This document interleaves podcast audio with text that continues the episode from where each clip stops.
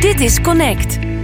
Hier hoor je alle ins en outs over PR, communicatie, content marketing en alles daartussenin met Jody Keuler en Jos Govaert van PR en content marketingbureau Cooper. In deze 23e aflevering is bij ons de gast Bert van Loon, co-founder van Content Marketing Fast Forward en B2B Content Marketing Stratege. Met hem zoomen wij vandaag in op de internationale staat van het content marketing vak.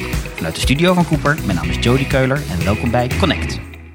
En links van mij is weer aangeschoven de man die qua persoonlijke ontwikkeling ook fast forward gaat, Jos Schovaart. God, heb je weer op zitten broeden. hè? Ja jongen, oude Maar- studiebol. Ja, ja, ja. Voor het weet word ik nog een wetenschapper als eh, oude HAVO-klant. Ik Hè? weet zeker dat jij met modelletjes gaat aankomen de komende periode. Heel, veel elke mode- dag. heel veel Maak modelletjes. iedereen helemaal gek. Heel goed. Hey, hoe snel gaat het content marketing vakgebied vooruit? Wat kan en moet er echt, eigenlijk echt beter? Eh, en wat gaat content marketing fast forward in de toekomst nog allemaal eh, brengen? Dat en zoveel meer bespreken we vandaag met onze gast, specialist op dit gebied, Bert van harte welkom. Dank jullie wel. Leuk om hier te zijn. Ja, leuk dat je er bent. Nou, jij, je, hebt ook, je, jij bent eh, gekomen met, eh, met, eh, met een hele goede fles champagne. Daar hebben jullie de reden voor Super gegeven. attent, Twee ja. jaar podcast. Twee jaar dat podcasting. is een prestatie om bij stil te staan. En om iets bij te drinken. Ja, nou, dat vind ik, vinden we grandioos. Alvast daar dank voor.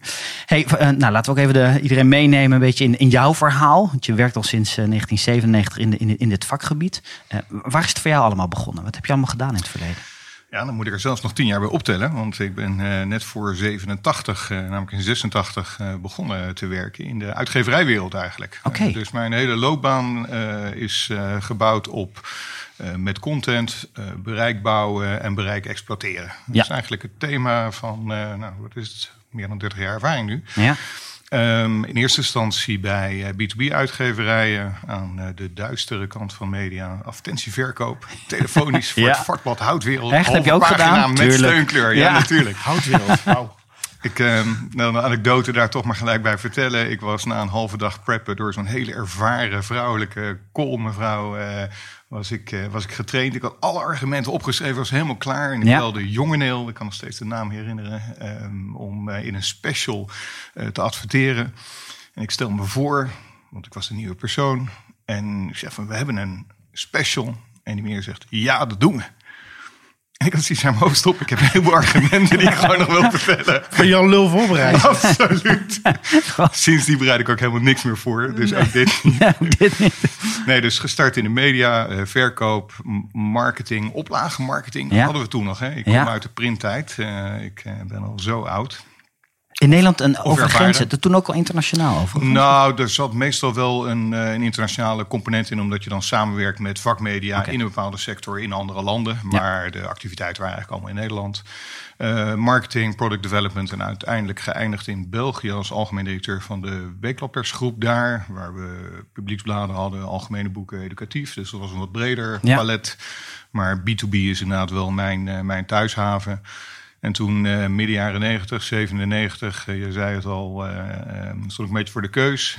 Ik had drie keuzes op een rijtje gezet. Of na 10, 11 jaar ervaring naar een grotere corporate uitgeverij. Maar ik was er wel langzamerhand achter dat ik niet heel erg gebouwd ben voor Niet jouw corporate. ding. Nee. Dat, eh ja, dat leerde dan door de jaren heen. Of inkopen bij een uitgeverij. Die opportunity deed zich niet voor. En de derde optie, want het internet kwam toen ook ineens optuigen. Natuurlijk was van, ga voor jezelf. Kom uit een gezin waar een onderneming was. Dus daar ben je ook een beetje mee besmet met die kriebel. En eh, ja, het was niet moeilijker dan een telefoonnummer regelen en een visitekaartje drukken. En in business zijn, nou, Ja. toen net weer. Ja. En toen heb ik eh, ja, eigenlijk eh, een jaar of, nou ja, eigenlijk tot, tot 2007, 8, 9, dus dat is eh, tien jaar, van alles gedaan zonder heel veel richting. Hmm. Dat klinkt heel raar voor iemand die veel met strategie doet, maar soms gebeurt het leven gewoon. Dat was even nodig, wellicht ook wel. Ja. Ja, ehm, maar het ging vanzelf eigenlijk. Het diende zich aan. Dus het was heel divers allemaal. Eerst in de media, steeds wat breder. Online marketing steeds meer. Was natuurlijk een nieuw gebied. Daar kon je Ja. echt van alles. Ik weet niet of jullie nog de zoekmachine Alta Vista mee hebben gemaakt. Echt wel. Zeker. Kijk, kijk, Ja. dat zijn de echte mannen. En ehm, toen kwam ik er eigenlijk tegenaan van ja, wat ik doe is online marketing met een uitgeversachtergrond. Dus ik zei tegen alle klanten, je moet ook iets van content instoppen. Ja. Noemde ik helemaal niet zo, maar Nee. dat zou je nu zo zeggen. En in 2011 had ik wat dat betreft echt op een gegeven moment een, een punt dat ik dacht van, hé, hey, wat ik doe, dat heeft een naam. En er zijn nog meer gasten die dat doen. En dat heet content marketing. En, maar wie heeft jij daarop gezet? Ja, hoe kwam je daar achter? Nou, dat was eigenlijk dat ik uh, een paar jaar daarvoor 50 was geworden. En een volstrekte identiteitscrisis. Oké, ja. Serieus, heb je gewoon een paar uur. Maar van, waar moet ik heen? Ik had de eerste golf social helemaal niet meegekregen. Dat is mijn ding niet. Um, en een beetje zoeken door wat omstandigheden. Ik participeerde ook nog in een bedrijf, was in een moeilijke fase. Dus ik zat echt op een kruispunt van wat moet ik nou eigenlijk gaan doen? Um, zoekende. En op een gegeven moment, uh, ja, op het internet kom je dan content marketing tegen. En dat begrip eerst een tijdje, meestal een jaar genegeerd. Nou, er zijn zoveel buzzwords die langskomen. Dus wat dat betreft herken ik me ook wel in klanten die dat zeggen. Van wat is content marketing nou eigenlijk? Die dat gewoon voorbij laten gaan. Of heel snel een eigen invulling aan dat begrip geven. En uh, op een gegeven moment, kort na de eerste Content Marketing World, waar mijn, uh, mijn maat uh, Albert Jan ook daadwerkelijk gesproken heeft, als ja. enige buitenlander. Wij konden elkaar toen nog niet overigens. Toen, toen kwam ik dat tegen, gewoon stom, zoals je online dingen tegenkomt. Ja. Je komt je vrouw onverwachts tegen en online En dat groeit een beetje op een gegeven moment aan. Je hebt het nu over het werken. Ja, ja, nee, ja, uiteraard. Ja. Just checking. Um, en, maar dat was echt, nou ja, het woord epifanie moet je volgens mij niet uh, uh, zomaar gebruiken. Maar er was echt zo'n soort moment dat ik dacht van, ja, wat ik gewoon 10, 15 jaar aan het doen ben. En steeds een heel lang verhaal moet houden om mensen uit te leggen wat dat dan is. Ja. Dat heeft nu een naam. Er is een boek over geschreven en een andere gast die dat serieus nemen. Tof. En ik had ineens een familie. Ja. En, nou, in 2012 de eerste Content Marketing World geweest. Vanaf die jaren dat uh, geen jaar gemist. En dat is voor mij echt de thuishaven. En Ja. ik vind die hele content marketing community wat dat betreft echt een, een feestje. Ja. Door uh, ja, ook de diversiteit die er is Ja. eigenlijk. En nu adviseer ik heel veel klanten daarover. Ja, ik, mijn, mijn tijd bestaat eigenlijk uit drie delen. Een, uh, een deel is uh, de, de consultietrajecten, allerlei type klanten, vooral B2B, maar groot en klein. Die diversiteit vind ik ook erg leuk daarin. En probeer me daar heel erg te beperken tot het traject van strategie, van businessstrategie naar de, nou, noem het marketingcommunicatiestrategie, noem het content marketingstrategie. Ja. Maakt me niet zoveel uit. Uh, een derde is uh, ongeveer uh, content marketing fast forward. onze congressen, de activiteit die we voor ogen hebben daarin. En een derde is veel spreken, masterclasses geven, in company events. en of dat nou is inspiratie of helpen wat uitleggen. Maar vooral op podia staan en voor groepen staan. Ja. Dus zeker wel de helft bijna van Ja. de tijd. Zit daarin ook uh, je buitenlandtripjes? Zit, zit dat vooral Ja, daar is, ja dat, dat heeft natuurlijk wel veel met elkaar te maken. Uh, de content marketingstrategie op een podium staan kan ik iedereen echt aanbevelen. Het is de meest efficiënte manier om heel zichtbaar te zijn Ja. voor heel veel mensen. Uh, en ja, daar kwam gewoon leads uit. Dus het leidt ook weer tot business. maar daarnaast is het heel leuk om te doen. En dat is het meest internationale zeker wel. Kijk, de meeste klanttrajecten voor strategie, als je één of twee keer bij een klant bent geweest, kan de rest ook online op afstand. Dus daar hoef je Ja. niet per se voor een of ander vervoermiddel te stappen. Ja. Ja, helder. Hey, jij hebt op je website heb jij een, een, een speciaal stukje over uh, klanten. Dus ik ging daar in de voorbereiding op deze podcast, dacht ik, ik ga even kijken voor wie werk je nou. Maar daar heb jij een heel verhaal over. Want Ja. je vertelt het eigenlijk gewoon lekker niet. Nee, precies. Een goede clickbait is dat, hè, die kop. Ja, ja. Maar, maar, maar leg eens uit, want ik vond het wel bijzonder. Ik bedoel, daar waar de hele wereld uh, gisteravond bij de Effie Awards geweest. En daar Ja. gebeurt natuurlijk exact, nou ja, heel rigoureus het precieze tegenovergestelde. Ja, precies. En op diezelfde dag als dat ik daar was, als ik dit aan het voorbereiden, dacht ik van, nou, nu ben ik een beetje schizofreen bezig. Maar uh, kan, kan, kan, leg eens uit. Het is super simpel. Uh, combinatie van dingen eigenlijk. Ik ben altijd met strategietrajecten bezig. Nou, dat is het algemeen een beetje vertrouwelijk. Daar kan je ook niet zo heel veel van delen. Als je aan het eind iets maakt, dan is daar mooi zichtbaar materiaal te delen. Ja. Strategie is wat moeilijk te delen. Het, is, uh, het is vertrouwelijk. Uh, ik heb ook het begin van mijn consultietraject een keer uh, onterecht, maar tegen wat uh, NDA-problemen aangelopen. Twee keer. Dat, uh, ja. Daar leer je heel erg uh, snel van oppassen. En toen heb ik op een gegeven moment die keus gemaakt. En ik licht het ook toe hè, op twee argumenten. Ik zeg Ja. van nou ja, allerlei beroepen in deze wereld van doktoren tot mediacounselors. Er stond prostituees, maar dat heb ik uiteindelijk niet ingezet. Maar het zijn, je hebt een aantal beroepen in de wereld die niet vertellen wie hun klanten zijn. En Ja. waar dat waardevol is, advocaten. Ja. Uh, dus uh, ik denk dat ik in die hoek zit. Uh, van beroepstype. Uh, dus daarom is het. En uh, het tweede is, ik vind ook het claimen van klanten en bewijs wat je daarvoor gedaan hebt. Ja, uh, ik vind het zo weinig waard eigenlijk. Ja. Uh, kijk naar uh, Rijkaard als voetbalcoach. Bij Sparta uh, redt hij het niet en wordt hij eruit gedonderd. Daarna gaat hij Barcelona en na een wat lastige start haalt hij jarenlang het grote spul binnen. Dus je bent maar een schakeltje in een geheel. Dus wat claim je dan met klanten? Ja, en, mooi. voor mij werkt dat in ieder geval. Mooi. Best iets voor te zeggen. Ja. En in welke situaties word je het liefst ingehuurd? Heb je net iets over gezegd, je wilt het strategietraject doen. Maar is er iets in de vraag wat erin moet zitten waarvan je denkt, nou als dat erin zit, dan, ja, dan gaat mijn hart ietsje sneller. Of dan heb ik er net even iets meer zin in. Ja, ik word eigenlijk altijd wel heel, uh, klinkt raar, maar toch opgewonden over, uh, over strategietrajecten. Ik vind waanzinnig leuke puzzels waar analyse en creativiteit bij elkaar komen. Um, en waar ik in het algemeen zeg van ja, uh, het grootste deel van mijn werk is niet antwoorden geven, maar vragen stellen. Mm Want nou, dat zullen we allemaal delen, denk ik, in deze wereld. Als je in een strategietraject zit, de klanten zijn vaak heel slecht in staat om hun eigen verhaal, hun eigen vraagstuk helder te definiëren. En doorvragen en ook durven doorvragen, uh, wat tot het soms pijn doet, of vooral tot het pijn doet, is volgens mij echt de eerste rol van elke strateeg. En waar ik dan echt extra vrolijk van word, is klanten die durven daar de ruimte voor te creëren. Die mm niet dichtslaan en niet zeggen van ja, je moet hier gewoon dit ding doen. Ja. En, uh, en wanneer voel jij dat die ruimte er is? Want van tevoren weet je dat niet natuurlijk. De vraag ja, maar dat voel je zo verschrikkelijk snel. Uh, laatst een, een, een, een, klant uit Frankrijk, een vraag via een relatie. Uh, ze hadden een probleem, ze hadden het probleem gedefinieerd. Dus wisten ook dat daar ongeveer drie halve dagen voor nodig was om het op te lossen. Erg fascinerend bij de uitvraag. Ja, precies. Ik denk dat ik je drie halve dagen nodig heb. Ik had die op dat moment ook niet ter beschikking, dus ik probeerde op afstand uh, wat, uh, wat te helpen. Maar dan voel je dus al heel erg bij een klant dat hij er op, in ieder geval in de start niet zo in zit. Ja. Um, en uh, ja, je leert door de jaren heen heel snel bij klanten de goede vragen stellen, waardoor je merkt of men echt ondernemend is, of men open staat voor eerlijk en kritisch advies en of men ook durft daarnaar te luisteren en misschien iets heel anders te doen dan ze in eerste instantie ja. voor ogen hadden. Ja. Is er een vraag die je vaak stelt waar klanten zelden een antwoord op weten? Goh, goede vraag van jou. Uh, dan zou ik niet zeggen, daar heb ik niet snel een antwoord op. ja, precies, die is erg makkelijk. Maar dat geeft mij weer wat bedenktijd. Nou, ik, ik denk dat bij klanten vaak uh, uh, misschien wel die, die beroemde zeven keer waarom doorvragen is van wat is nou het echte probleem wat we op moeten lossen. Heel vaak zitten vragen toch heel veel bijna op tactisch niveau, haast op uitvoeringsniveau. Ja. En de fundamentele vraag is van wat moeten we nou eigenlijk brengen? Wat gaat niet vanzelf? Waar ga je het verschil maken? dat vinden klanten, daar moeten ze echt wel bedenktijd voor hebben. dat is ook fijn als ze het nemen. Maar dat is misschien wel de moeilijkste vraag voor veel klanten om, uh, om echt een antwoord op te vinden wat, uh, wat hout snijdt. Ja, mooi. Ja, mooi.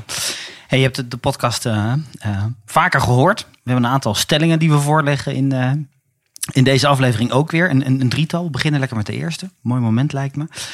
Aan jou de vraag, eens of oneens. Het content marketing vakgebied gaat te langzaam vooruit. Eens of eens, oneens? volledig eens. Waar komt dat door? Ik denk dat we. Nou, er zijn veel factoren die daarin spelen. En uh, N is één, dus ik kan alleen mijn eigen mening erin geven. We zijn denk ik zo langzamerhand uh, in Nederland, in Europa, zelfs in Amerika, in een soort eerste volwassenheid geland. Mm -hmm. Het begrip staat. Uh, bureaus weten waar ze het over hebben. Het wordt steeds breder. Um, en daar zit het risico in dat we zeggen van oké, okay, dit is het. En dit gaan we nu schalen. Dat is ja. ook voor de hand liggend. We hebben methodieken en die gaan we vaker doen. Dus efficiënt, dus dat is begrijpelijk. Um, dus misschien doet het niet genoeg pijn om dan echt een sprong voorwaarts te willen maken. Um, en de tweede rem die ik wel zie is dat het contentvak ook wel dat er heel veel contentmakers in zitten. Mm -hmm. En dat we heel blij zijn met content maken, maar dat we niet hard genoeg gaan in marketeers zijn. Ik denk dat daar echt nog wel een, eh, een, deel te, te winnen is. Uh, het, het, het, toffe vind ik in deze wereld is het samenkomen van mensen uit extreem verschillende disciplines. Vanuit de, de creatieve kant, vanuit de schrijfkant, vanuit journalistiek, vanuit uh, vanuit marketing, vanuit sales. Ja, strategie, ja. ja. Um, maar dominant zie ik toch wel, als ik geen vertekend beeld heb, um, zie ik veel, veel mensen die van content houden, content maken, dat graag doen, dat in de vingers hebben. En dat is tof, maar we moeten ons wel de gewetensvraag stellen. Content is alleen maar een middel. Ja. Een super gaaf middel. We moeten er opgewonden van raken. We moeten enthousiast van zijn. Dat maken is belangrijk. Hebben maar gewoon maar één ding. Dat is een businessdoel dienen. En ik denk dat we meer als marketeers nu de sprong moeten maken om te zeggen welk businessdoel dienen we. Mhm. Dan worden we geloofwaardiger mee als we dat doen. Dan zetten we onszelf op scherp. En daarmee krijgen we ook in het hele marketing, communicatie spectrum, krijgen we denk ik gewoon een serieuzere plek. Ja. En daar gaan we niet, of niet hard genoeg is of niet ambitieus genoeg. Dat is dan misschien een beetje eh, wat, wat semantiek. Ja. Maar het zou, eh, het zou harder mogen wat dat betreft. Mer- Merk je dat ook veranderen on stage, zeg maar? Je, je ziet veel, je ziet veel sprekers, je doet het zelf ook. Dat content eigenlijk iets naar achter geduwd moet worden, marketing iets meer naar voren? Of zeg je? Ja, die, die beide dingen, zeg maar, dat we eh, te veel over content, te weinig over marketing Ja. praten, als je dan eh, maar Ja. even de begrippen wil pakken. En ook dat we nu wel eens iets krijgen als er ontstaan een soort content burgt. En dat is onze familie en die moeten we bouwen en dat moeten we ook definiëren. En daar mag niemand anders in. Of je moet een Oh, toenaders zo. pasje hebben dat je van de content Ja, bent. de silo. Ja, Ja, precies. En uitkijken dat we niet ons eigen eh grotje bouwen wat veel te klein is. Ehm, hè, misschien moeten we wel content schrappen van het begrip content marketing. Zeg je gewoon eh, de marketing eh, met content. Ja, zoals elk vakgebied gewoon nieuwe verschijningsvormen kent. En Ja. nieuwe toepassingen. En eh, Ja. ik denk dat we er zo nog wel even op terugkomen. Gok ik zo.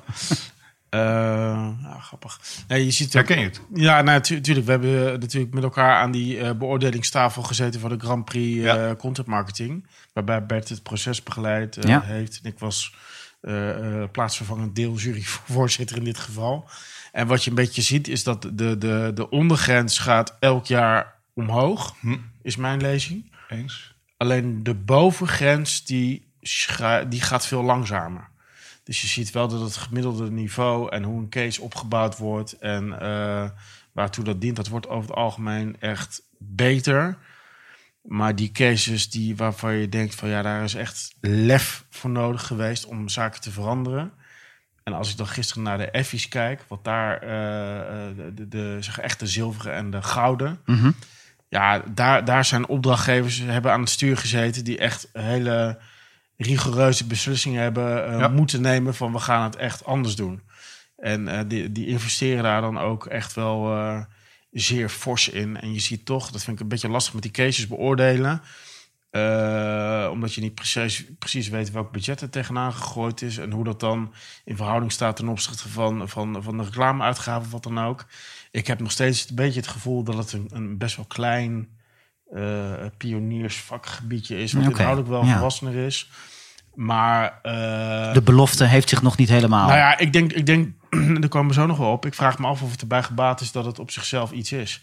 Eens. Eh, omdat je ziet dat content, in wat voor vorm dan ook, content zelf, niet de marketing, maar content, dat, dat speelt een rol in alle deelgebieden van communicatie. Ja. Eh, en, markt, eh, en, en, en, en, en, maar ook journalistiek en noem maar op. Dus dat is een constante factor. En dat is altijd al zo geweest. Alleen omdat, eh, we hadden het in het voorbespreken al, al even over. Omdat de wereld om ons heen nu aan het veranderen is. Waar je aan veel meer eh, verschillende groepen een verhaal te vertellen hebt. Omdat de wereld dat van je verwacht. Heb je ook een veel grotere rijkheid aan, aan wie vertel ik nou dat verhaal. En waarom Ja. en met welk doel. En eh, dat is soms een, een, een door marketing gedreven doel. Maar dat kan ook gewoon een... gewoon een publieke opinie zijn. Of, of eh, dat eh, de maatschappij van je verwacht dat je gewoon een bepaald standpunt inneemt. Of dat je visie hebt. Weet je, dat zijn allemaal facetten eh, waarbij content een rol speelt.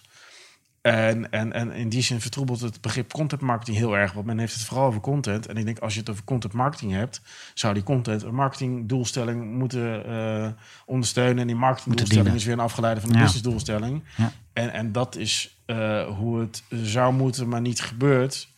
Dus kennelijk heb je aan die term zelf heb je ook niet zoveel. Ja. Is mijn conclusie. Dan. heb je dat gezien, Bert? Zo de, de afgelopen jaren dat het, hè, het begrip anders is gaan laden, anders is gaan leven, geïnterpreteerd werd. Ja, ik denk dat we het, eh, het uitlegseizoen voorbij zijn. Ja. Ja. Dat eh, het is echt wel gewoon mainstream geworden nu. En dat is nog veel te winnen hoor. Eh, dat moet ik daar ook bij zeggen. Want nog steeds ehm, laat ik me verrassen laatst bij, bij een event. En dan komt iemand voor een presentatie waar een slide met de uitleg van paid owned earned media. En dan denk je van goh, een oud slide deck gepakt. Ja, en dan oeps. zie je mensen fotootjes maken, notities maken. Ja, ja. Wel een soort Oh, ja. wake-up call dat er toch nog ook een enorme volg is. Maar we zijn gewoon mainstream. Ja. Ehm, en het gevaar is dat dat succes nu tegen ons gaat werken. En dan zeggen we, oké, het is content. En dat we dan content heel strak definiëren.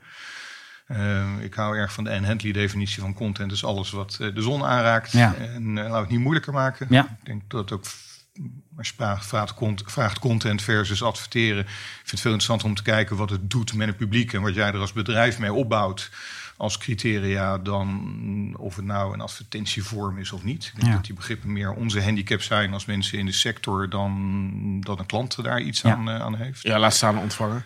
Ja, helemaal niet. Ja. Eh, dus als wij dan erg proberen content smal te maken, dan ja, doen we onszelf geen dienst, klanten geen dienst. En we zien natuurlijk echt wel nu doorpakken op die ontwikkeling waar iedereen die in het marketing-communicatiespectrum zit, eh, op content is. De, Ja. de, de uitgevers, hun businessmodel is aan het eind. eh, dus is allemaal het kunstje van content maken, audiences bouwen, bereik bouwen. Eh, zijn ze aan het aanbieden als, als diensten. Eh, alles wat uit de komt, nou, ja, of het nou PR is of daar marketing of wat Ja. dan ook. Content is het centrale eh, middel. Ja. En die klant zit niet te wachten op nog meer typische bureaus en dat nog meer regisseren. Dus als wij nou echt van content zijn en content staat centraal, dan moeten wij zorgen dat we die centrale plek krijgen. En Ja. dan moeten we meer marketeer zijn. Dus niet mar marketeer zijn en het kunnen koppelen aan businessdoelstellingen, ga je nooit die plek winnen. Ja. Zo simpel is het. A- Als ik nou zeg van, eh, dat het doel zou moeten zijn om met een zelf opgebouwd publiek, om dat ten gelde te maken, in wat voor vorm dan ook. Hoe, hoe, hoe, hoe, eh, één, onderschrijf je het? En twee, waar, waar staan we dan? Lukt dat? in de dat- schaal van ons land ook. Als we het even tot Nederland beperken. Ja. Ik denk dat het de, de ideale ambitie is van content marketing. Hè? eh, brands become media, eh, Ja. eh, die, die one-liner. Tegelijkertijd denk ik ook dat we nu met zo'n tien jaar onderweg in content marketing leren... dat dat niet voor heel veel partijen weggelegd is. Dan Ja. moet je groot zijn of je moet partneren. Ik ben heel verrast dat ik zo weinig dingen zie. En misschien dat mijn blik daar te beperkt voor is, maar... eh, weinig merken die samenwerken in een keten bijvoorbeeld... Ja. om gezamenlijk een, eh, een, een doelgroep te gaan bedienen. En zo de, de, de, de, de schouderbreedte te ontwikkelen om dat ook te kunnen doen. Eh, dus idealiter vind ik wel dat je het na moet streven, ook al is het maar op een beperkte schaal. Dan is het maar jouw subscriberbase van een nieuwsbrief, maar die dan echt serieus nemen, of van een podcast Ja. of wat dan ook. Ehm, maar het is een lange termijn rit, het is niet voor lang anderen weggelegd. En dan is next best in feite eh, op een betaald audience met zo goed mogelijke content eh, dat afbouw, aftappen. En dan ben je een soort campagne content marketing aan het doen. Vind ik ook volstrekt valide. Ja.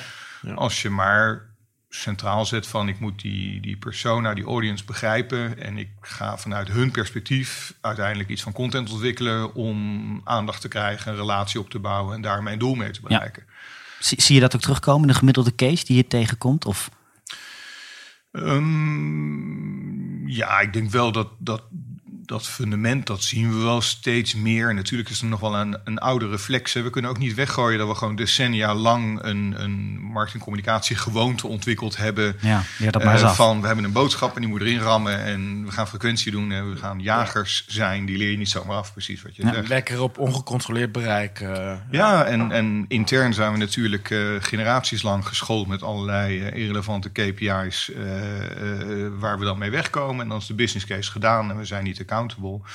Je noemde de F's. Nou, laten we maar vooral content marketing het meest effectieve eh, marketing-communicatie-instrument maken wat er is. Ja. Eh, En dat vraagt van marketeers en van opdrachtgevers eh, gewoon hele heldere strategische keuzes. Ja. Ja. Welke rol spelen bureaus daarin? Ehm, de permanente hinkstapsprong van klanten opvoeden en je tent overeind houden. Ja, ja, ja oké. Ja. Ik heb geen bureau, dus ik ben daar. eh, Ik vind de onafhankelijkheid erg fijn. Ik hoef geen monden te voeden. Ik hoef geen eh, videomakers aan het werk te houden. Ik, ik ken die rol uit het verleden. En dat brengt je natuurlijk altijd in een lastig pakket. Hoe eerlijk Ja. en oprecht je ook bent. Maar je staat toch gewoon in die spagaat van de tent moet vol. En eh, hoe rijp is de klant? Maar ik denk wel dat je aan jezelf en aan je klanten verplicht bent om misschien wel op een soort metaniveau de discussie aan te gaan. Maar willen we dit nu echt en hoe gaan we het dan doen? Ik moet zeggen, de laatste jaren heb ik bij mezelf ontdekt dat ik steeds meer het, het instrument eh, eh, eh, maturity modellen, en die kennen we natuurlijk in vijf stappen, zes stappen, zeven stappen, als een gereedschap gebruik bij klanten als, als consultant. Om met elkaar te bepalen waar sta je, wat is haalbaar. Ja. En dan kan je veel makkelijker ook met een klant op het niveau komen van oké, we, kunnen, we moeten gewoon accepteren dat wij nog in een beginnersstadium Ja. staan. Dan is dat ook niet erg. Zet gewoon een, stop, een stap voorwaarts in plaats van gelijk Exact. eh, eh, Exact. de medaille te halen. Maar dat is ook het gevaar wat we, wat we zien, is van eh, nou ja, een beetje inspirerende gasten, zoals jullie ook. En dan zit je bij een klant en je maakt ze helemaal gek. Ja. Maar dan willen ze ook morgen Red Bull zijn. Ja.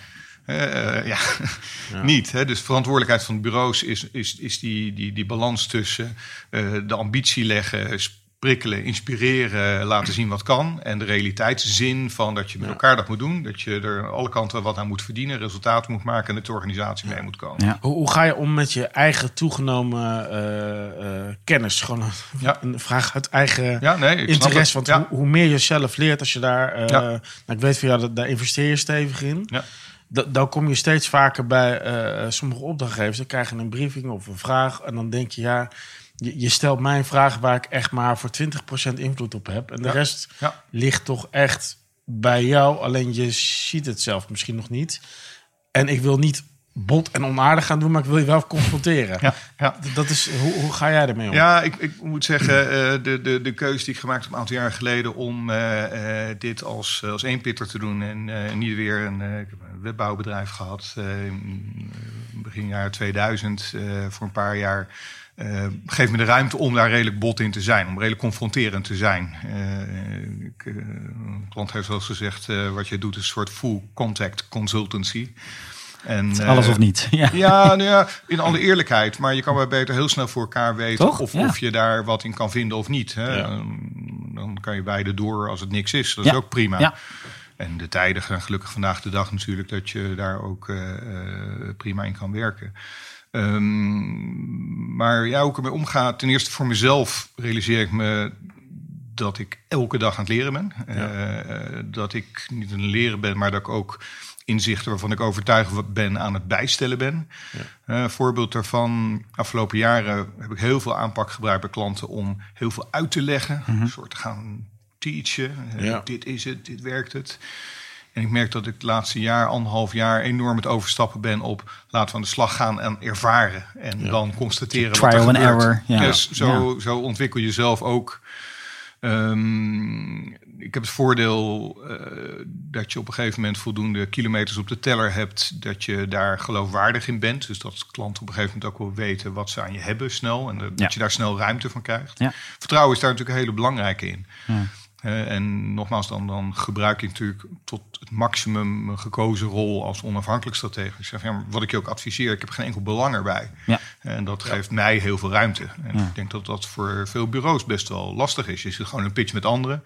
En vaak word je, denk ik, niet zozeer op je briljante strategie afgerekend, maar meer op hoe de platen eruit zien. Ik denk nog steeds dat we daar last van hebben in, eh, in de sector. Ja. Hikken mensen dan nog steeds tegen onderwerpen als ROI bijvoorbeeld nog steeds aan? Is dat iets wat continu terugkomt, ook in die gesprekken die je voert? Ja, en, en dan loop je natuurlijk direct aan tegenaan dat eh, eh, ROI een, eh, een volstrekt ongekaderd begrip is voor de meeste, men- voor Ja. de meeste mensen. Nou, dat blijft ook in Cleveland. Hè? El- elk jaar Ja. ga je daar weer met de verwachting heen van... nou, we zullen dit jaar het antwoord wel eens even horen. Ja. ja. en dat valt toch altijd tegen. Omdat, omdat de, de specifieke situ- situatie waar je met je opdrachtgever... of je eigen tent of wat er Ja. nou ook in zit... lijkt nooit op dat wat gepresenteerd wordt. Dus het zijn allemaal een... Wat je in het beste geval meekrijgt... zijn gewoon een aantal principes waar je over kunt nadenken. Maar dat, dat nadenken moet je helaas toch gewoon weer zelf doen. Ja. Ja, en gelukkig. Eh, ik moet zeggen, misschien heb ik de mazzel dat ik voornamelijk eh 80, 90 procent in B2B doe. En ik vind het daar eigenlijk niet zo'n heel groot vraagstuk.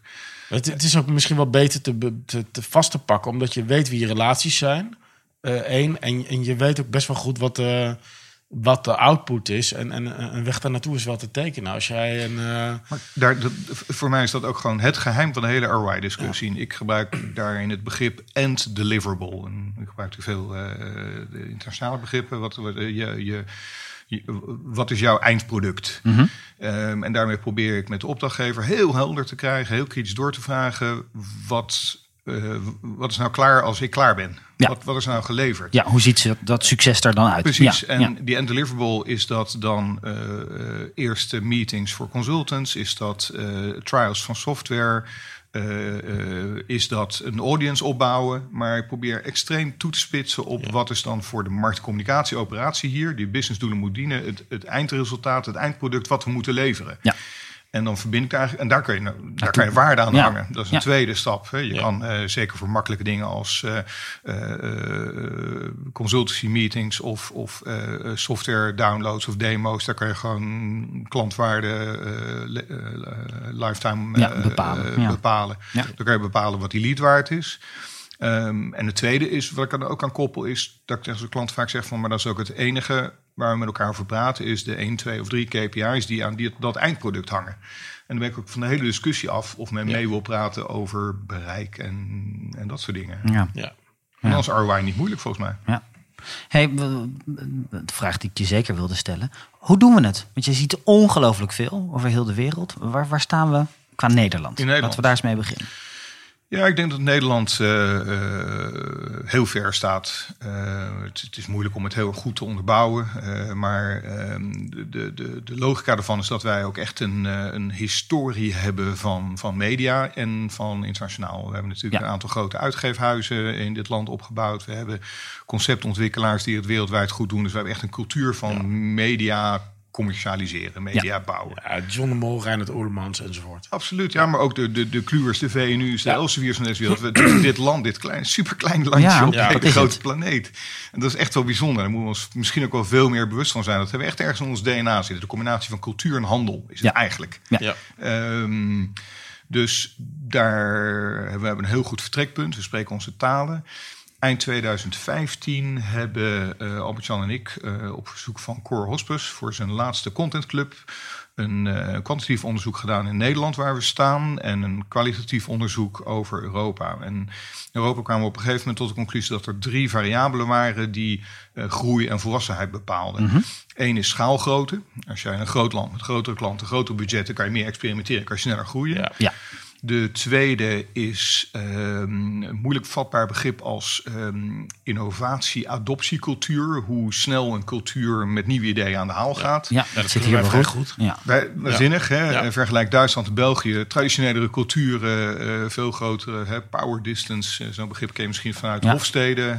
Ja. cultuurdimensies. Degelijk, langzaam, maar als ze gaan, gaat het wel goed. precies, Dat is precies. zeker Duitsland, ja. Eh, Amerikanen zijn natuurlijk als het nieuw is, is het gelijk goed en hot. Ja. Dus die adopteren heel snel. En het, eh, het derde dingetje erin is eh, toegang tot de Engelse taal. Toch, ja. Omdat natuurlijk de meeste marketingliteratuur of uit Amerika komt of in het Engels geschreven wordt. En ja, ehm, serieus, eh, ik zit volgende week een hele week in Londen. ehm er spreken een heel aantal mensen, eh, cases, eh, een Frans bedrijf, een ehm, Oh, ja. mid-career marketing manager, Ja. internationaal, spreekt geen Engels. Ja, mid 30 gewoon niet de taalmachtig. Ja. Nou ja, dat is een toevallig- ding. Deze week hebben we voor een klant van ons een, een, een onderzoek naar buiten gebracht... waaruit blijkt dat Nederland het, het land is dat van alle niet-native Engels sprekende landen het beste Engels Ja. spreekt. Ja, absoluut. En kijk, En, eh, eh, voor wat het waard is, eh eh, Content Marketing World, eh, nou, daar zie je eh Albert Jan heeft er gesproken, ik eh, spreek er, eh Carlijn heeft er gesproken, eh Cor heeft er gesproken. We, hebben echt, we zijn het land met de Ja. grootste zeg maar, aanwas van sprekers. Hè. Dus, Ja. En we hebben ook wel de...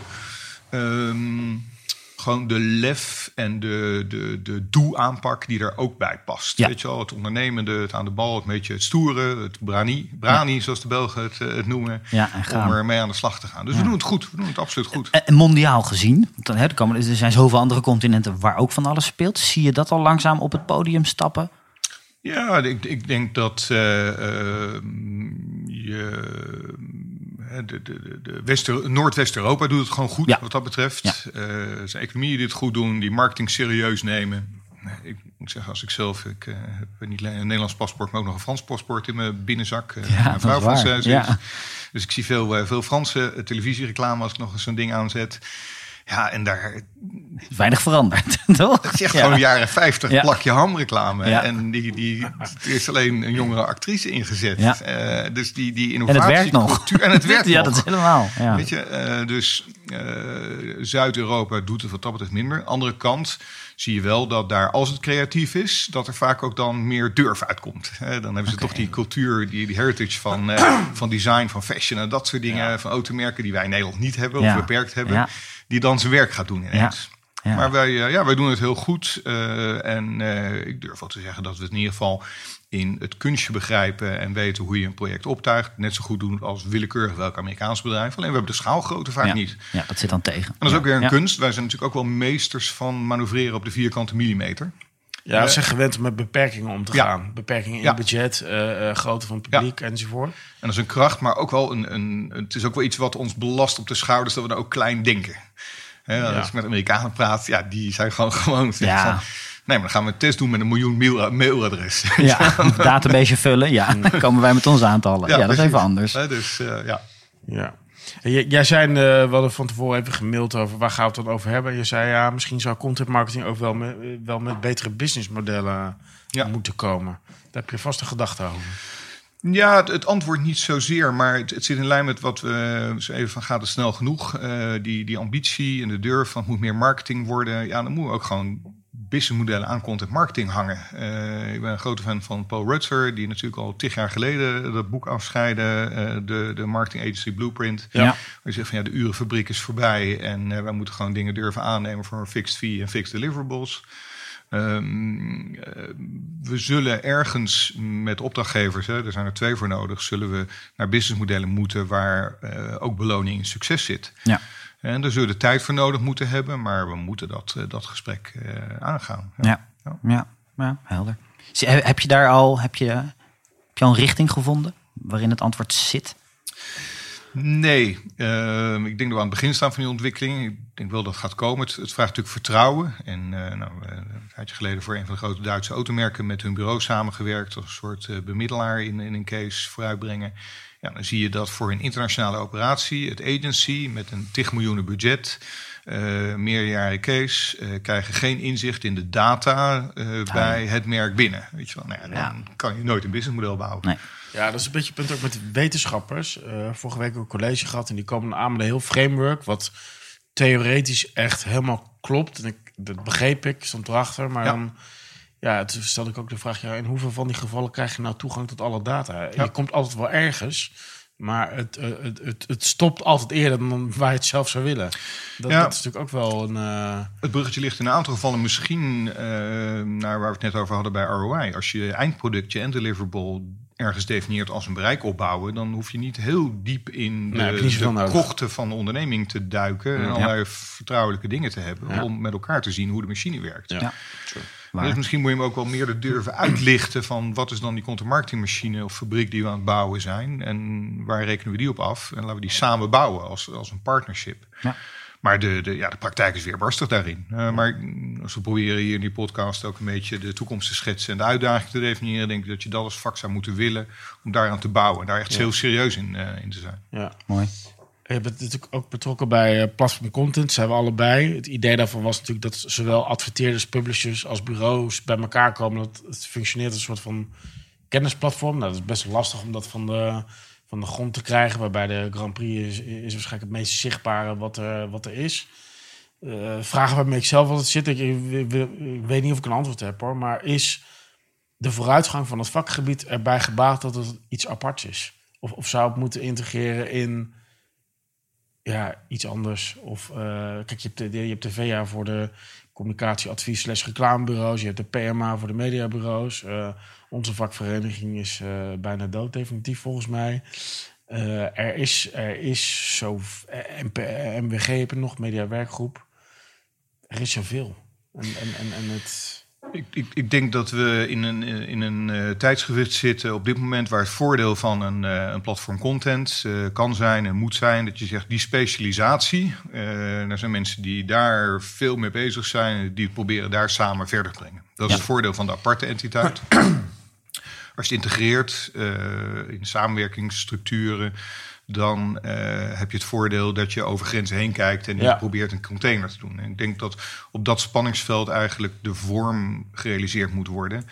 Uh, jullie zitten hier in, in Rotterdam. Uh, ik heb Abu Talib een keer een fantastisch verhaal zien houden over de Randstad. Waar die zegt van ja, als we die groot willen maken, moeten we vooral niet een burgemeester Randstad doen en één entiteit. Maar we moeten die entiteiten samen laten werken. Ja. Ik denk dat je die analogie heel goed kan gebruiken in dit vak. Ja. Uh, breng die clubs meer bij elkaar en laat die met elkaar zonder een soort vijand denken van je komt in mijn tuintje bloemen plukken.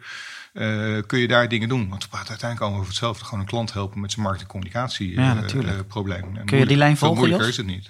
Ja, natuurlijk. Ik vind het wel mooi. hè? Maar het, de, de grap is dat eh, mijn gevoel en mijn ervaring eh, zegt bij, bij, bij al die clubs dat er totaal geen vijandelijke houding is. Die bestaat helemaal niet meer. Dat is echt iets van vroeger. Alleen, eh, ja, eh, alleen ehm, men is toch wel weer aan het bouwen aan de eigen club of zo. Dus Mhm. dat, dat, dat eh, terwijl de, de, weet je, de houding en de cultuur is, is positief ten opzichte van Ja. iedereen.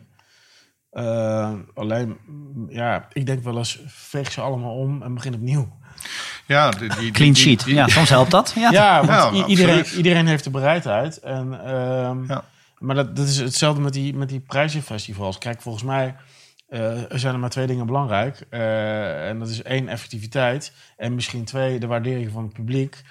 En misschien is dat het wel. Ja, vak, Ja. vakvernieuwing. Ik denk Ja. dat daar Eh, prijzen ook voor zijn. Ja, dat, dat, Ja. Kan, dat, dat, Ja. kan, dat kan ook. Ja. Ja. Dat- je zorgt voor eh, nieuwe aanwas. Dat je niet Ja. alleen maar de, eh, de, de, de oude, oude bureaus hebt. Ja. Mooi. Nee, maar ik denk inderdaad dat je wel gelijk hebt dat de, de, er is geen echt vijand denken, maar we worden gehandicapt door eh, waar je vandaan komt. Hè? Eh, Ja.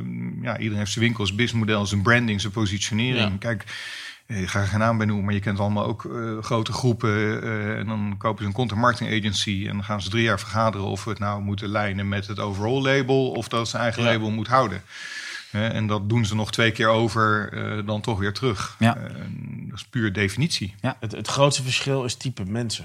Dat, dat ervaar ik wel. Hm, eens. Dat, dat is bij eh, zeg maar de content marketinghoek. Dat lijkt een beetje meer op wat wij vanuit de PR-communicatie gewend PR, zijn. journalistiek. Hoe we kijken, hoe we denken. Is, ja, maar het is allemaal net wat bescheidener. Wat, braaf. wat, ingetogen, soms te ingetogen. Ja, zeker. Eh, en en, en dat, ja, de bravoure van eh, de reclame, dat zit daar gewoon in. De- als je over de drempel loopt, dan zie je het al. Ja. Ik wil een tweede stelling erin gooien. Ik denk dat het daar tijd voor is. Ehm, eens of een oneens van jouw kant. B2B content marketing is te vaak onnodig saai. ja, volgens mij antwoordt iedereen ja op die vraag. Dus ik probeer even heel hard te denken of ik iets provoceerd kan zeggen van het is niet onnodig saai.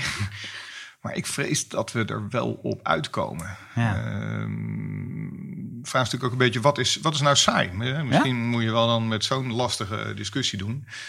Eh, ik doe veel in België en eh, veel in industriële B2B. En eh laatst sprak ik met iemand en die zei... ja, mijn best scorende content piece waar leads uitkomen... is een Excel-sheet met 4000 regels. Namelijk een rekenmodel wat men kan downloaden voor Ja. de industrie. En daar komen leads uit. Ja. Bam. Ja, Ja. dat is saai. En het is Maar reten. piep, Ja, ja. piep effectief. Ja. Ja. Dus dan, dan moeten we denk ik... hè, dus er is ook geen één antwoord. Dan is saai goed en Mhm. werkt het. Moet je jezelf dan denk ik de vervolgvraag stellen... kun je door dat minder saai te maken dat effectiever maken? Als het niet is, moet je het niet doen. We zien natuurlijk ook dingen die in schoonheid Ja. sterven... omdat eh, er een creatief op is geweest. Ja. Ik denk dat we in, zeker als je dan met je top of funnel gaat praten en dat soort dingen, dat is in branding, in positionering, in een merk neerzetten. Hè, ehm, daar missen we natuurlijk gewoon reclame-DNA. Jij net Ja. reclame, eh, Jos. Ehm, daar, daar zijn we te braaf, doen voorspelbare dingen. En ja, pak alle eh eh, accountskantoren, advocatenkantoren en dat soort dingen. 9% van de content is identiek. Ja, het font is anders en het kleurtje is anders. We mogen geen namen noemen. We zijn nu in gesprek met een innovatief advocatenbureau. Dat is, dat is echt zo.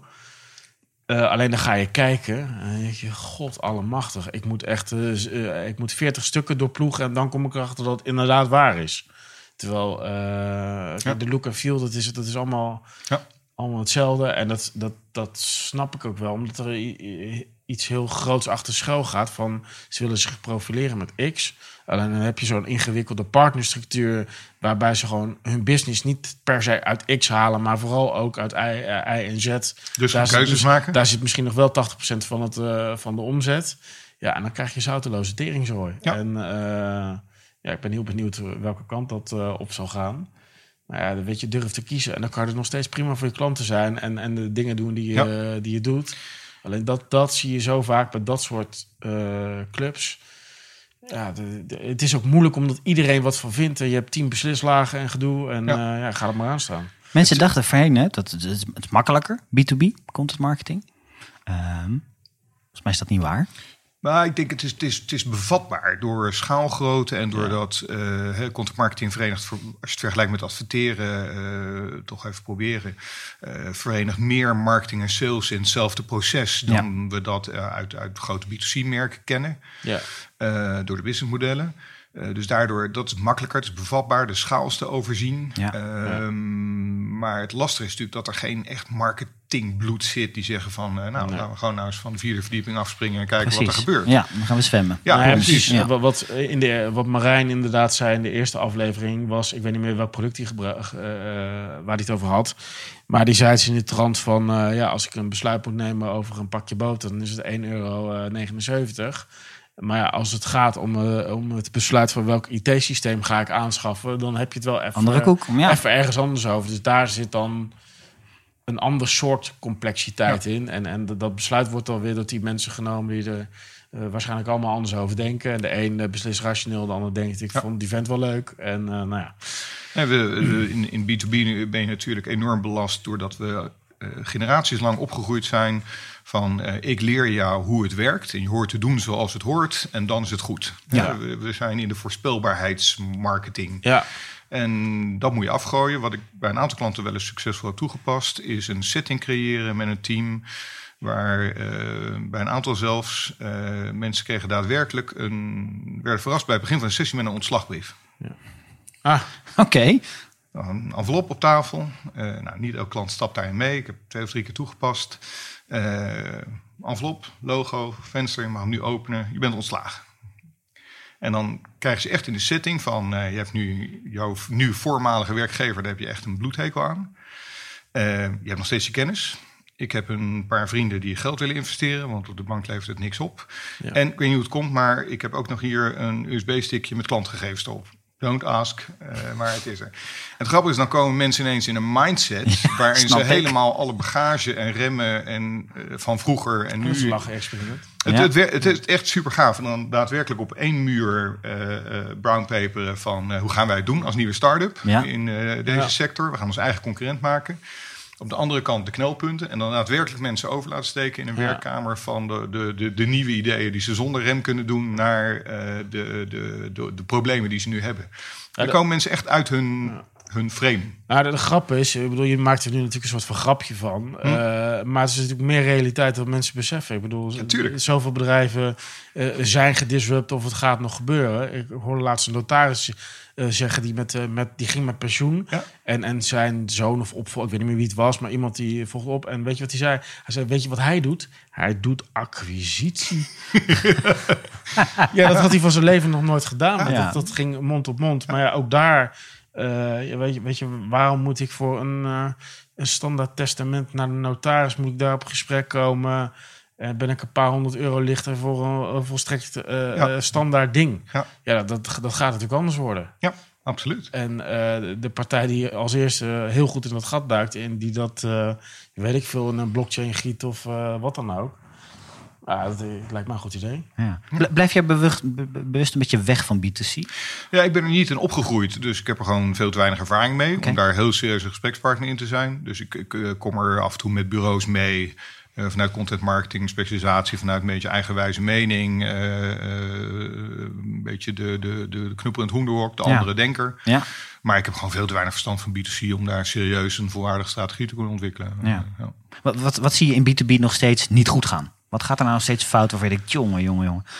Nou, de, de, de, ja, het zijn een paar thema's die steeds terugkeren. Het zijn heel vaak natuurlijk organisaties die veel meer salesgedreven dan marketinggedreven zijn. Ja. Dus uh, uit de salesmodus stappen en niet alleen maar zicht hebben op transactiedeel van een funnel. Uh, dat, dat is een enorme opgave voor mensen. Ja. Um, uh, keuzes durven maken. Ondernemingen toch te veel uh, nou ja, van alles willen doen. Een, beetje branding en een, een, een, beetje action, een beetje sales. En uh, geen, geen keuzes durven maken. Niet ervoor durven staan. Niet rechtsaf durven slaan of linksaf. Welke zouden ze daarin moeten maken?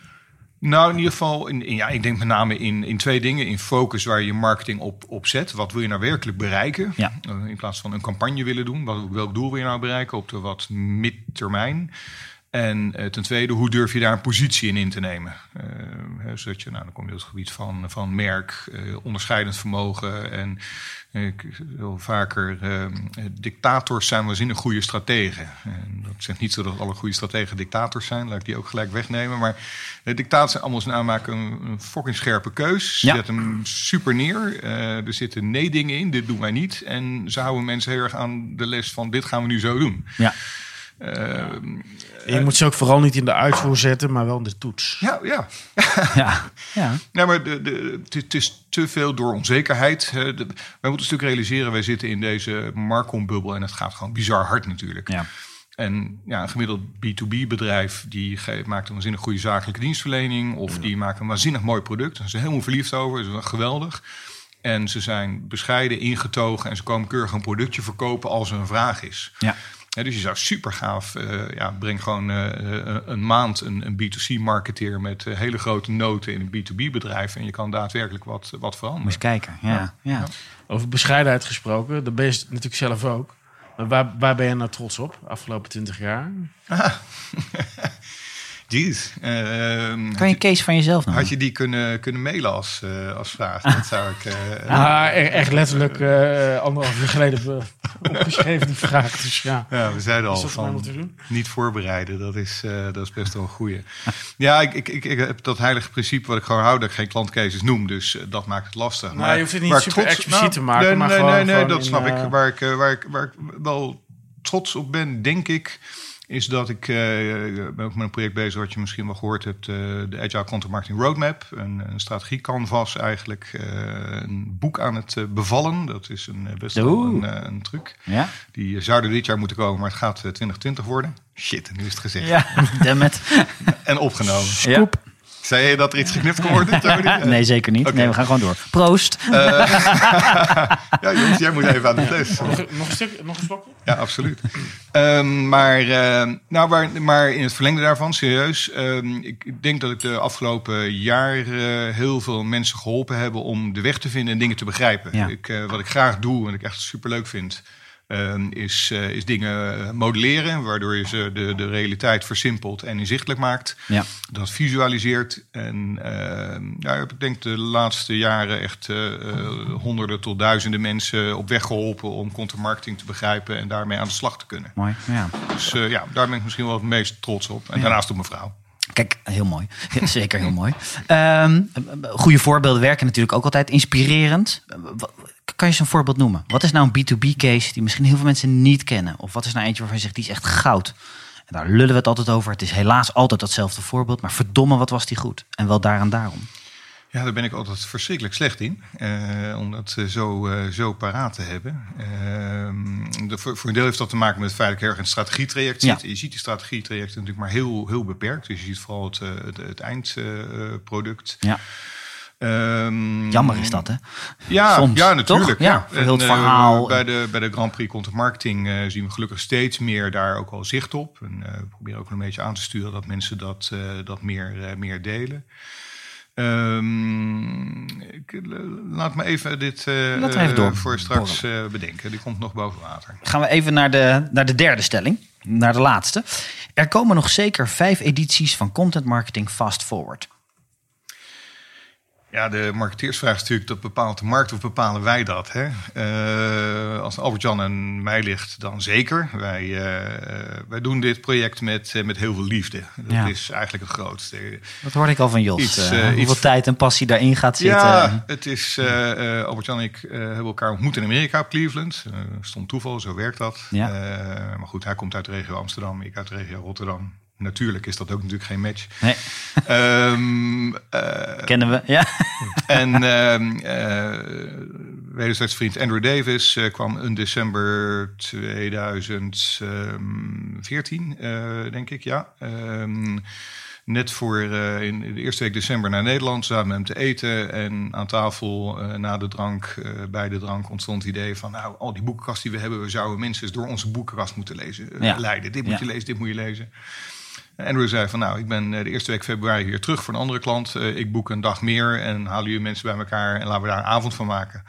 Ja, met dat businessplan is Content maar vast forward begonnen. Uh, dat was waanzinnig gaaf om te doen. Ja. Hoeveel mensen had je bij, bij elkaar? met de 70 eerste 80 man bij elkaar kijken. in de. North Sea Jazz Club eh, in, in zes weken. Want ja, we werden natuurlijk eh, 7 december na dat idee wakker met een servetje met dat idee Ja. erop. Ja. En er waren exact drie mensen, Albert Jan, Andrew Davis en ik, die wisten dat dat ging gebeuren. Zes weken later. En er was ook nog kerst tussen. Dus dat was best wel een ding. Ja. Ehm, maar het was super gaaf om te doen. Eh, we hebben toen een hele gave sessie Nederlandse gedaan. Met acht auteurs. Met, eh met Aard, met Cor, met Carlijn. En ehm, eh, ja, toen zagen we dat daar wel ruimte voor was. We vonden het ontzettend leuk. Ja. In alle eerlijkheid, het is iets als we werkelijk kijken naar de tijd die erin zit. Wat je eraan verdient, moet je er nu mee stoppen. Eh, maar dat is geen reden om het te doen. Ehm, in directe eh, opbrengst breekt niet op, maar indirect levert het ook dingen op. Ja. Het is verschrikkelijk leuk om te doen. En we zitten allebei ook in de positie dat we het leuk vinden om aan het vak wat te geven en te helpen. Dus dat, is, dat is onze bijdrage daarin. Mooi. We zitten nu heel serieus wat kijken om eh, dat ook wat naar eh, educatie wat, eh, wat op te schalen. Eh, we doen het steeds internationaler. We zijn in België behoorlijk actief. We zijn serieus aan het praten over een Griekse editie. Kijk. Yes, gentlemen. Tiding. Tididididing. Ja hoor. Ik, Dus, souvla- dus Content Marketing Fast Forward Souvlaki Edition. dat, dat wordt hem. Ja. Oh shit, je zou het geheim houden. Ja. Yes, eh, die domeinnaam heb ik niet geclaimd. Nee, maar, eh, Wordt het, dus lastig? jaar... Wordt het lastig, denk je, om nog inderdaad al die edities eraan te plakken? Zeg je, ja, je merkt het zwakt af, de, de voorbeelden, we herhalen het. Dat kan een enorme Nee, uitdaging ja, zijn. ja. Nee, het, het, het zwakt niet af. Eh, het is natuurlijk ook gewoon ondernemingje spelen. Hè? Dus de, de klassieke vraag van hoe positioneer je? Hè? Zet ons nou in op de mensen die nog aan het begin van hun leercyclus staan en die ga je heel veel leren. Of zeg je, we, we richten ons vooral op de partijen die, die in de voorhoede zitten en die willen we nog verder brengen. Ja.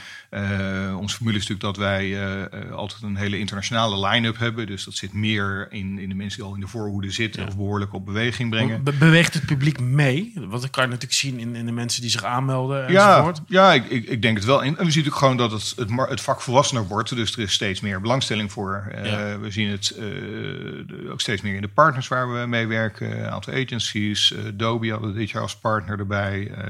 samen met ehm, eh, uit Eindhoven. En ik kan altijd een blackout hebben voor een naam. Engagement Factory. Oké. Ja. Ehm, dus nee, we zien wel dat we het van, eh, van de, de, niet van de beginners moeten hebben, maar de mensen die eh, volop in beweging zijn, die verder willen. Ja.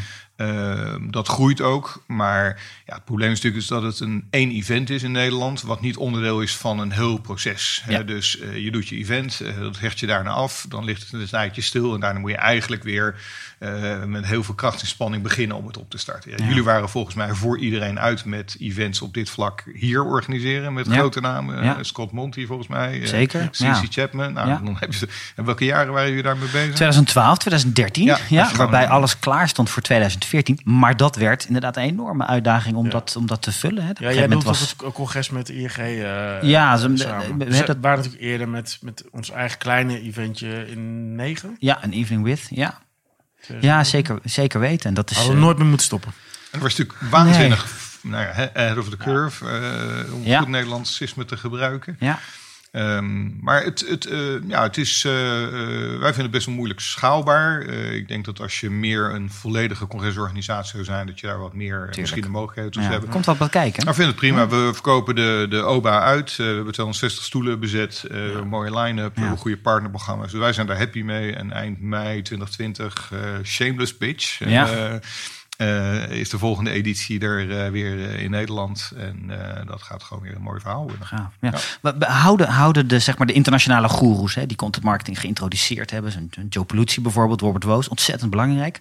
Houden die het vast, het onderwerp? Of merk je dat er internationaal al een beetje het, het keren van de rug naar het thema, dat dat al een beetje is ingezet? Want dat lijkt me heel belangrijk. Ja, nee, ik denk wel dat ze het vasthouden. Ehm, ik denk wel dat je daar ook het thema ziet van... eh, eigenlijk, je ziet, je ziet twee assen. Je ziet over de, de as specialiseren op content maken... En je ziet de, kas, eh, de case op de business case. Dus wij Ja. hebben gewoon de, een lijn content en een lijn marketing, zou je kunnen zeggen. Ja. Hè, gaat het over hoe maak je het, eh, wat werkt eh, enzovoort. En hoe eh, bouw je het gewoon de business case, maak je het organisatorisch werkend en klopt het, het rekensommetje. Ja. En je ziet ook wel ja, steeds meer wel het accent op die business case liggen. Ja. En ik denk dat er ook wel onderbelichte dingen zijn. Ook een content marketing world bijvoorbeeld vond ik op het vlak van distributie vond ik eh verdraaide weinig. En nou, je weet, we hebben laatst voor Nederland een sessie gehad waar ik distributie het ondergeschoven kindje van content marketing eh, genoemd heb. Ja, nog steeds. Ja. ja, en ik denk dat het alleen maar erger wordt. Ik denk Ja. dat het strategischer wordt. Ik denk dat het complexer wordt. Ik denk dat het kostbaarder wordt. En Ja. Dus dat de, de, ehm, de ratio distributiekosten versus creatiekosten naar distributie moet hellen. Aan de andere kant moet daar natuurlijk voor agencies weer een verdienmodel aan hangen. En dat Ja. is natuurlijk toch best een lastige voor, eh, voor veel partijen die gebaseerd zijn op uren en creatie maken. Ja, terwijl de biddingsystemen zijn voor iedereen eh, herkenbaar. Dus wat is de toegevoegde waarde van, van, van iets als een mediabureau daarin? Ja, dus Ja, je, eh, of de klant zal veel meer distributie moeten snappen en dan volwaardiger voor het product creatie willen betalen. Ja. Ehm, ja maar ook, eh, wa- wat wil je voor je publiek hebben? Want iets kan in een, in een dashboard er fantastisch uitzien. ja. Maar welke mensen heb je dan? Zeker als het om, om eh, stel je hebt het over BTC, dan heb je er al helemaal geen, Nee. geen vat op of het clickfarms zijn of eh, Nee. weet ik het wat. Nou, tenzij je natuurlijk een content funnel bouwt waar je goed kan zien wat er daarna gebeurt. En Ja, waar nou je uit kan afleiden of je een Als doel je het- bereikt hebt. Als je het zelf Ja. hebt, als je je eigen publiek hebt Ja. opgebouwd. Maar we hebben natuurlijk net vastgesteld dat het in Nederland, ja, wat je super moeilijk is. Kijk Hm. maar naar, de, eh, naar de publishers die dat toch goed doen. Eh, Nou ja, dat je dat is nu- nog wel een vraag over te stellen of die dat goed doen. Nou ja, ik denk In weinig. vandaag de dag. Ik denk weinig. Ja. Je, hebt, je hebt Linda en Zie doet het Ja, aardig. absoluut. Eh, Ja. Voetbal International is heel goed bezig. Maar ik denk dat het nog... Als je kijkt hoeveel leden ze hebben. VU Pro, journalistiek, hartstikke goed. Maar wat is het? Ik hoor, eh, 12.000 leden. Veel te weinig. Hè? Ja, voor 5 euro Ja. per maand. ja. Ja, kan je daar een hele redactie van eh, onderhouden? Dat, denk ik niet. Dat moet geld bij. Nee. Eh, en eh, terwijl ze, als je ziet hoe ze het doen, is is the only way to go om, eh, om relevant te blijven voor een groep geïnteresseerden. Maar of het genoeg geld oplevert op zo'n kleine schaal. Ja, in Amerika is het makkelijk, maar eh, Ja. hier in Het Nederland. is lastig hier. Ja, Ja. schaalgroot is Ja. absoluut een, eh, een uitdaging daarin. Want een merk die heeft nog andere properties. Daar kan je, daarvan kan je zeggen van joh, dat mag best een beetje geld kosten. Want dat, verdien ik- dat haal ik ergens anders wel terug. Maar als je uitgever bent, ja, is dat je product. En, en dan, dat moet uit kunnen. Ja, we- weinig andere Moeilijk opties. hoor. Hey, de eh, Cleveland reis, snoepreisje. Ja, het is eh, super gaaf om te doen. Eh, voor ons is het natuurlijk sinds eh, eh, nou ja, volgend jaar is de tiende editie van Content Marketing World. Eh, vaste plek in de agenda. Eh, Ja. Schrijf naar oktober volgend jaar. Eh, Je bent er al zes edities. Hoeveel edities ben je er nu al geweest? Het wordt de achtste. De achtste, Ja, oké. Ja. Nee, negende wordt het. Het wordt de negende. Oh, kijk. Alleen de eerste gemist. Alleen ja, de- alleen de eerste gemist. Ja. En ehm, ik, eh, een van de dingen die ik bij de, de, de, de bijeenkomst die we gehad hebben met platform content genoemd heb, ehm, is con- raar genoeg is, is Content Marketing World ook de plek waar je leert dat je soms een sleutel moet hebben om open deuren te openen. Mm. Eh, Dat klinkt heel cryptisch, Ja, maar ehm, ja, je, je, ik denk dat het een soort reset is voor jezelf. Eh, zoals je af en toe ook wel eens eens in de maand je telefoon uitdoet om weer alle processen helder te hebben. En dat dat een van misschien de belangrijkste redenen is als je in de voorhoede zit. Toen Ja. ik de eerste keer 2012, toen was content marketing ook nog een heel ander vak.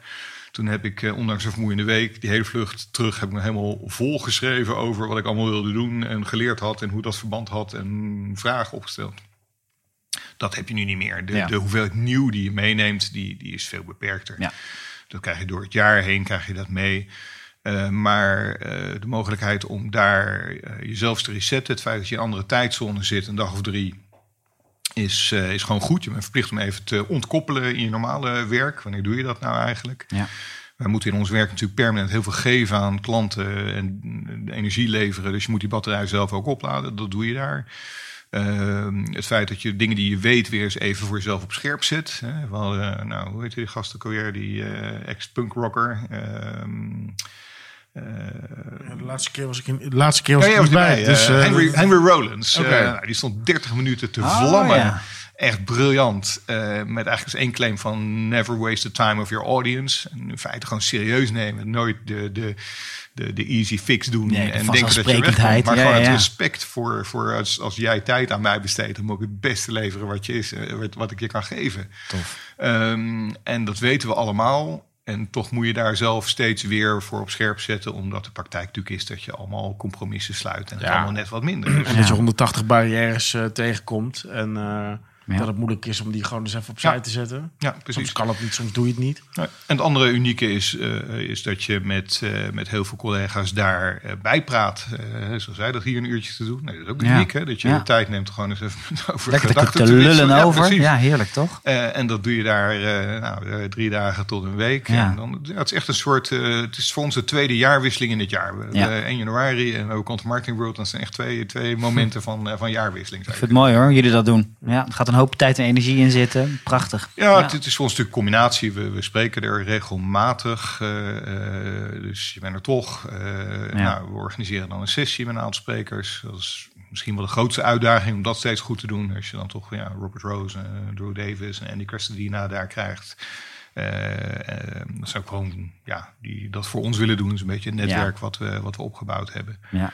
Eh, maar ja, het blijft een feestje. Het is eh, de mooiste week van het jaar. Ja, Nou, en het heeft je erkenning opgeleverd afgelopen jaar. ja, ja. ja. Je zag ineens een half ongemakkelijke foto van eh, ineens Bert en AJ in het zonnetje. Ja, de gast van CMI die trickte ons waanzinnig. We gingen natuurlijk dit jaar voor de derde keer op reis met een hele groep uit Nederland en België. En we kregen een mailtje van eh Cathy McPhillips van, oh, voor jullie groep de woorduitreiking. En daarna is Henry Rollins. We hebben voor jullie eh, front row seats gereserveerd. Nou, super aardig. ja, tof. Ja. Dus wij gingen daar zitten en eh, ja, die awardshows, ja goed, is een dingetje, maar niet het meest opwindende in alle eerlijkheid. Overigens deed Europa het daar supergoed. Eh eh, Ieren, Slovenen, eh, dus we, zijn als Europa podium. daar ook al Ja.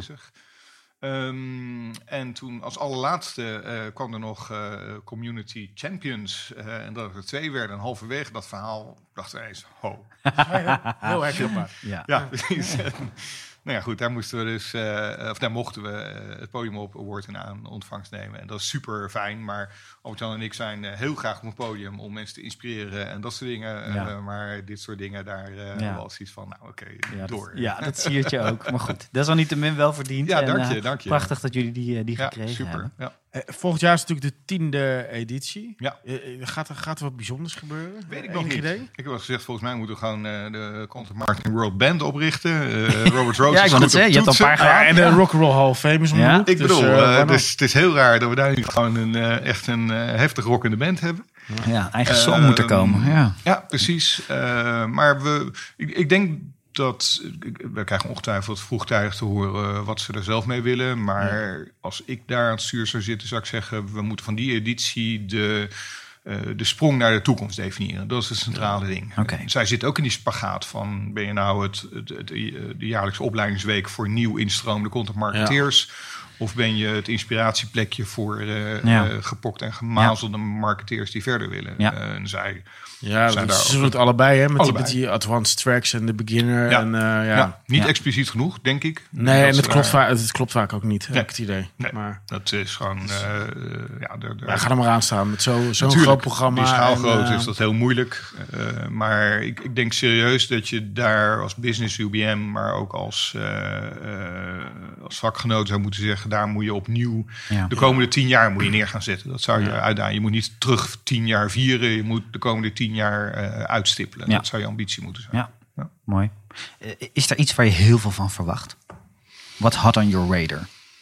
Eh, specifiek Content Marketing World? Of, Ja? nou, content marketing, hele begrip. Is er iets waar je echt van zegt, daar gaat, gaat veel gebeuren? Ja, dan, dan denk ik de eh, hele snelle instroom van mensen met een reclameachtergrond in de content marketing wereld. Ik denk dat dat eh, in de komende paar jaar eh, de scene gaat veranderen. Mensen die, die de, de, de, de trucs mogen we niet noemen, maar de, de fundamenten, de, de, de instrumenten, de methodologieën van ons vak, Ja. de uitgangspunten snel stappen. Die zijn nu volwassen geworden, die staan er. Die kan jij gewoon, als je uit de marketingwereld komt, kun je die snel bevatten. Ja. En daar dan eh, briljante talenten uit de reclame-industrie om, om onderscheidend te zijn, om impact te creëren, eh, om het verschil te maken, die daarop neerzetten. En meer durf. En ik denk dat we daar echt instroom gaan zien. Mooi. Ik, ik geloof wel dat je het hele Markom-gebied, dat je een soort van eh, eh, reële blik gaat krijgen. Want je hebt natuurlijk een tijdje gehad van tv-reclame is dood en dat is het onzin. Mm. Eh, daar komt men ook weer een beetje van terug. Het lijkt dat de tijd aanbreekt waarin men zegt, alles heeft wel een plek en een functie. En afhankelijk van de situatie verandert het patroon een beetje. Ja, het is één grote gereedschapskist. En, Ja. en, nogmaals, Ja, wij... die wordt rijker die, en, en er valt Ja. wat af en er komt wat bij. Precies. eh, maar gemiddeld genomen groeit hij alleen maar. Ja. Ja. en hoe beter je die kan laten samenwerken, hoe beter het is. En- Ja. Maar ik denk serieus dat, en internationaal ook wel, eh, als eh, de, de, de meiden en, eh, en jongens uit de reclames zien, meer naar de content marketing wereld zien moven, dan gaat het ineens echt super veel harder. En laat maar komen. Mooi. Ja. Ja. Zijn we klaar voor? Ja. Toch? Ja. Hey, laatste vraag. Als mensen met jou willen connecten, waar kunnen ze dan het, het beste terecht? Eh 06. Mag ook hoor. Mag ook. ja, 0653 430 200. That's it. Bel. Bel Nee, Bert. ja, zo simpel is het. eh, LinkedIn, ik doe eh, wat op Twitter, maar niet heel veel. Ik ben niet heel actief op social media, eerlijk Ja. gezegd. Dus, eh, Bert van Loon in Google. Dan komen ze bij je website precies, uit. ja, ja, Dat is ook een mooie plek. dus dat is, dat is prima. Heel goed. Ja. Bert, namens ons beiden, dankjewel voor je komst. Jullie beiden dank. En op de volgende jaren Connect Podcast. Dit was aflevering 23 van Connect. Wil je meer informatie? Bezoek dan www.cooper.nl slash podcast voor alle show notes, cases en tips. Mocht je een review willen achterlaten, dat waarderen wij natuurlijk ook altijd zeer, dan kan dat op iTunes. Bedankt voor nu en tot een volgende Connect.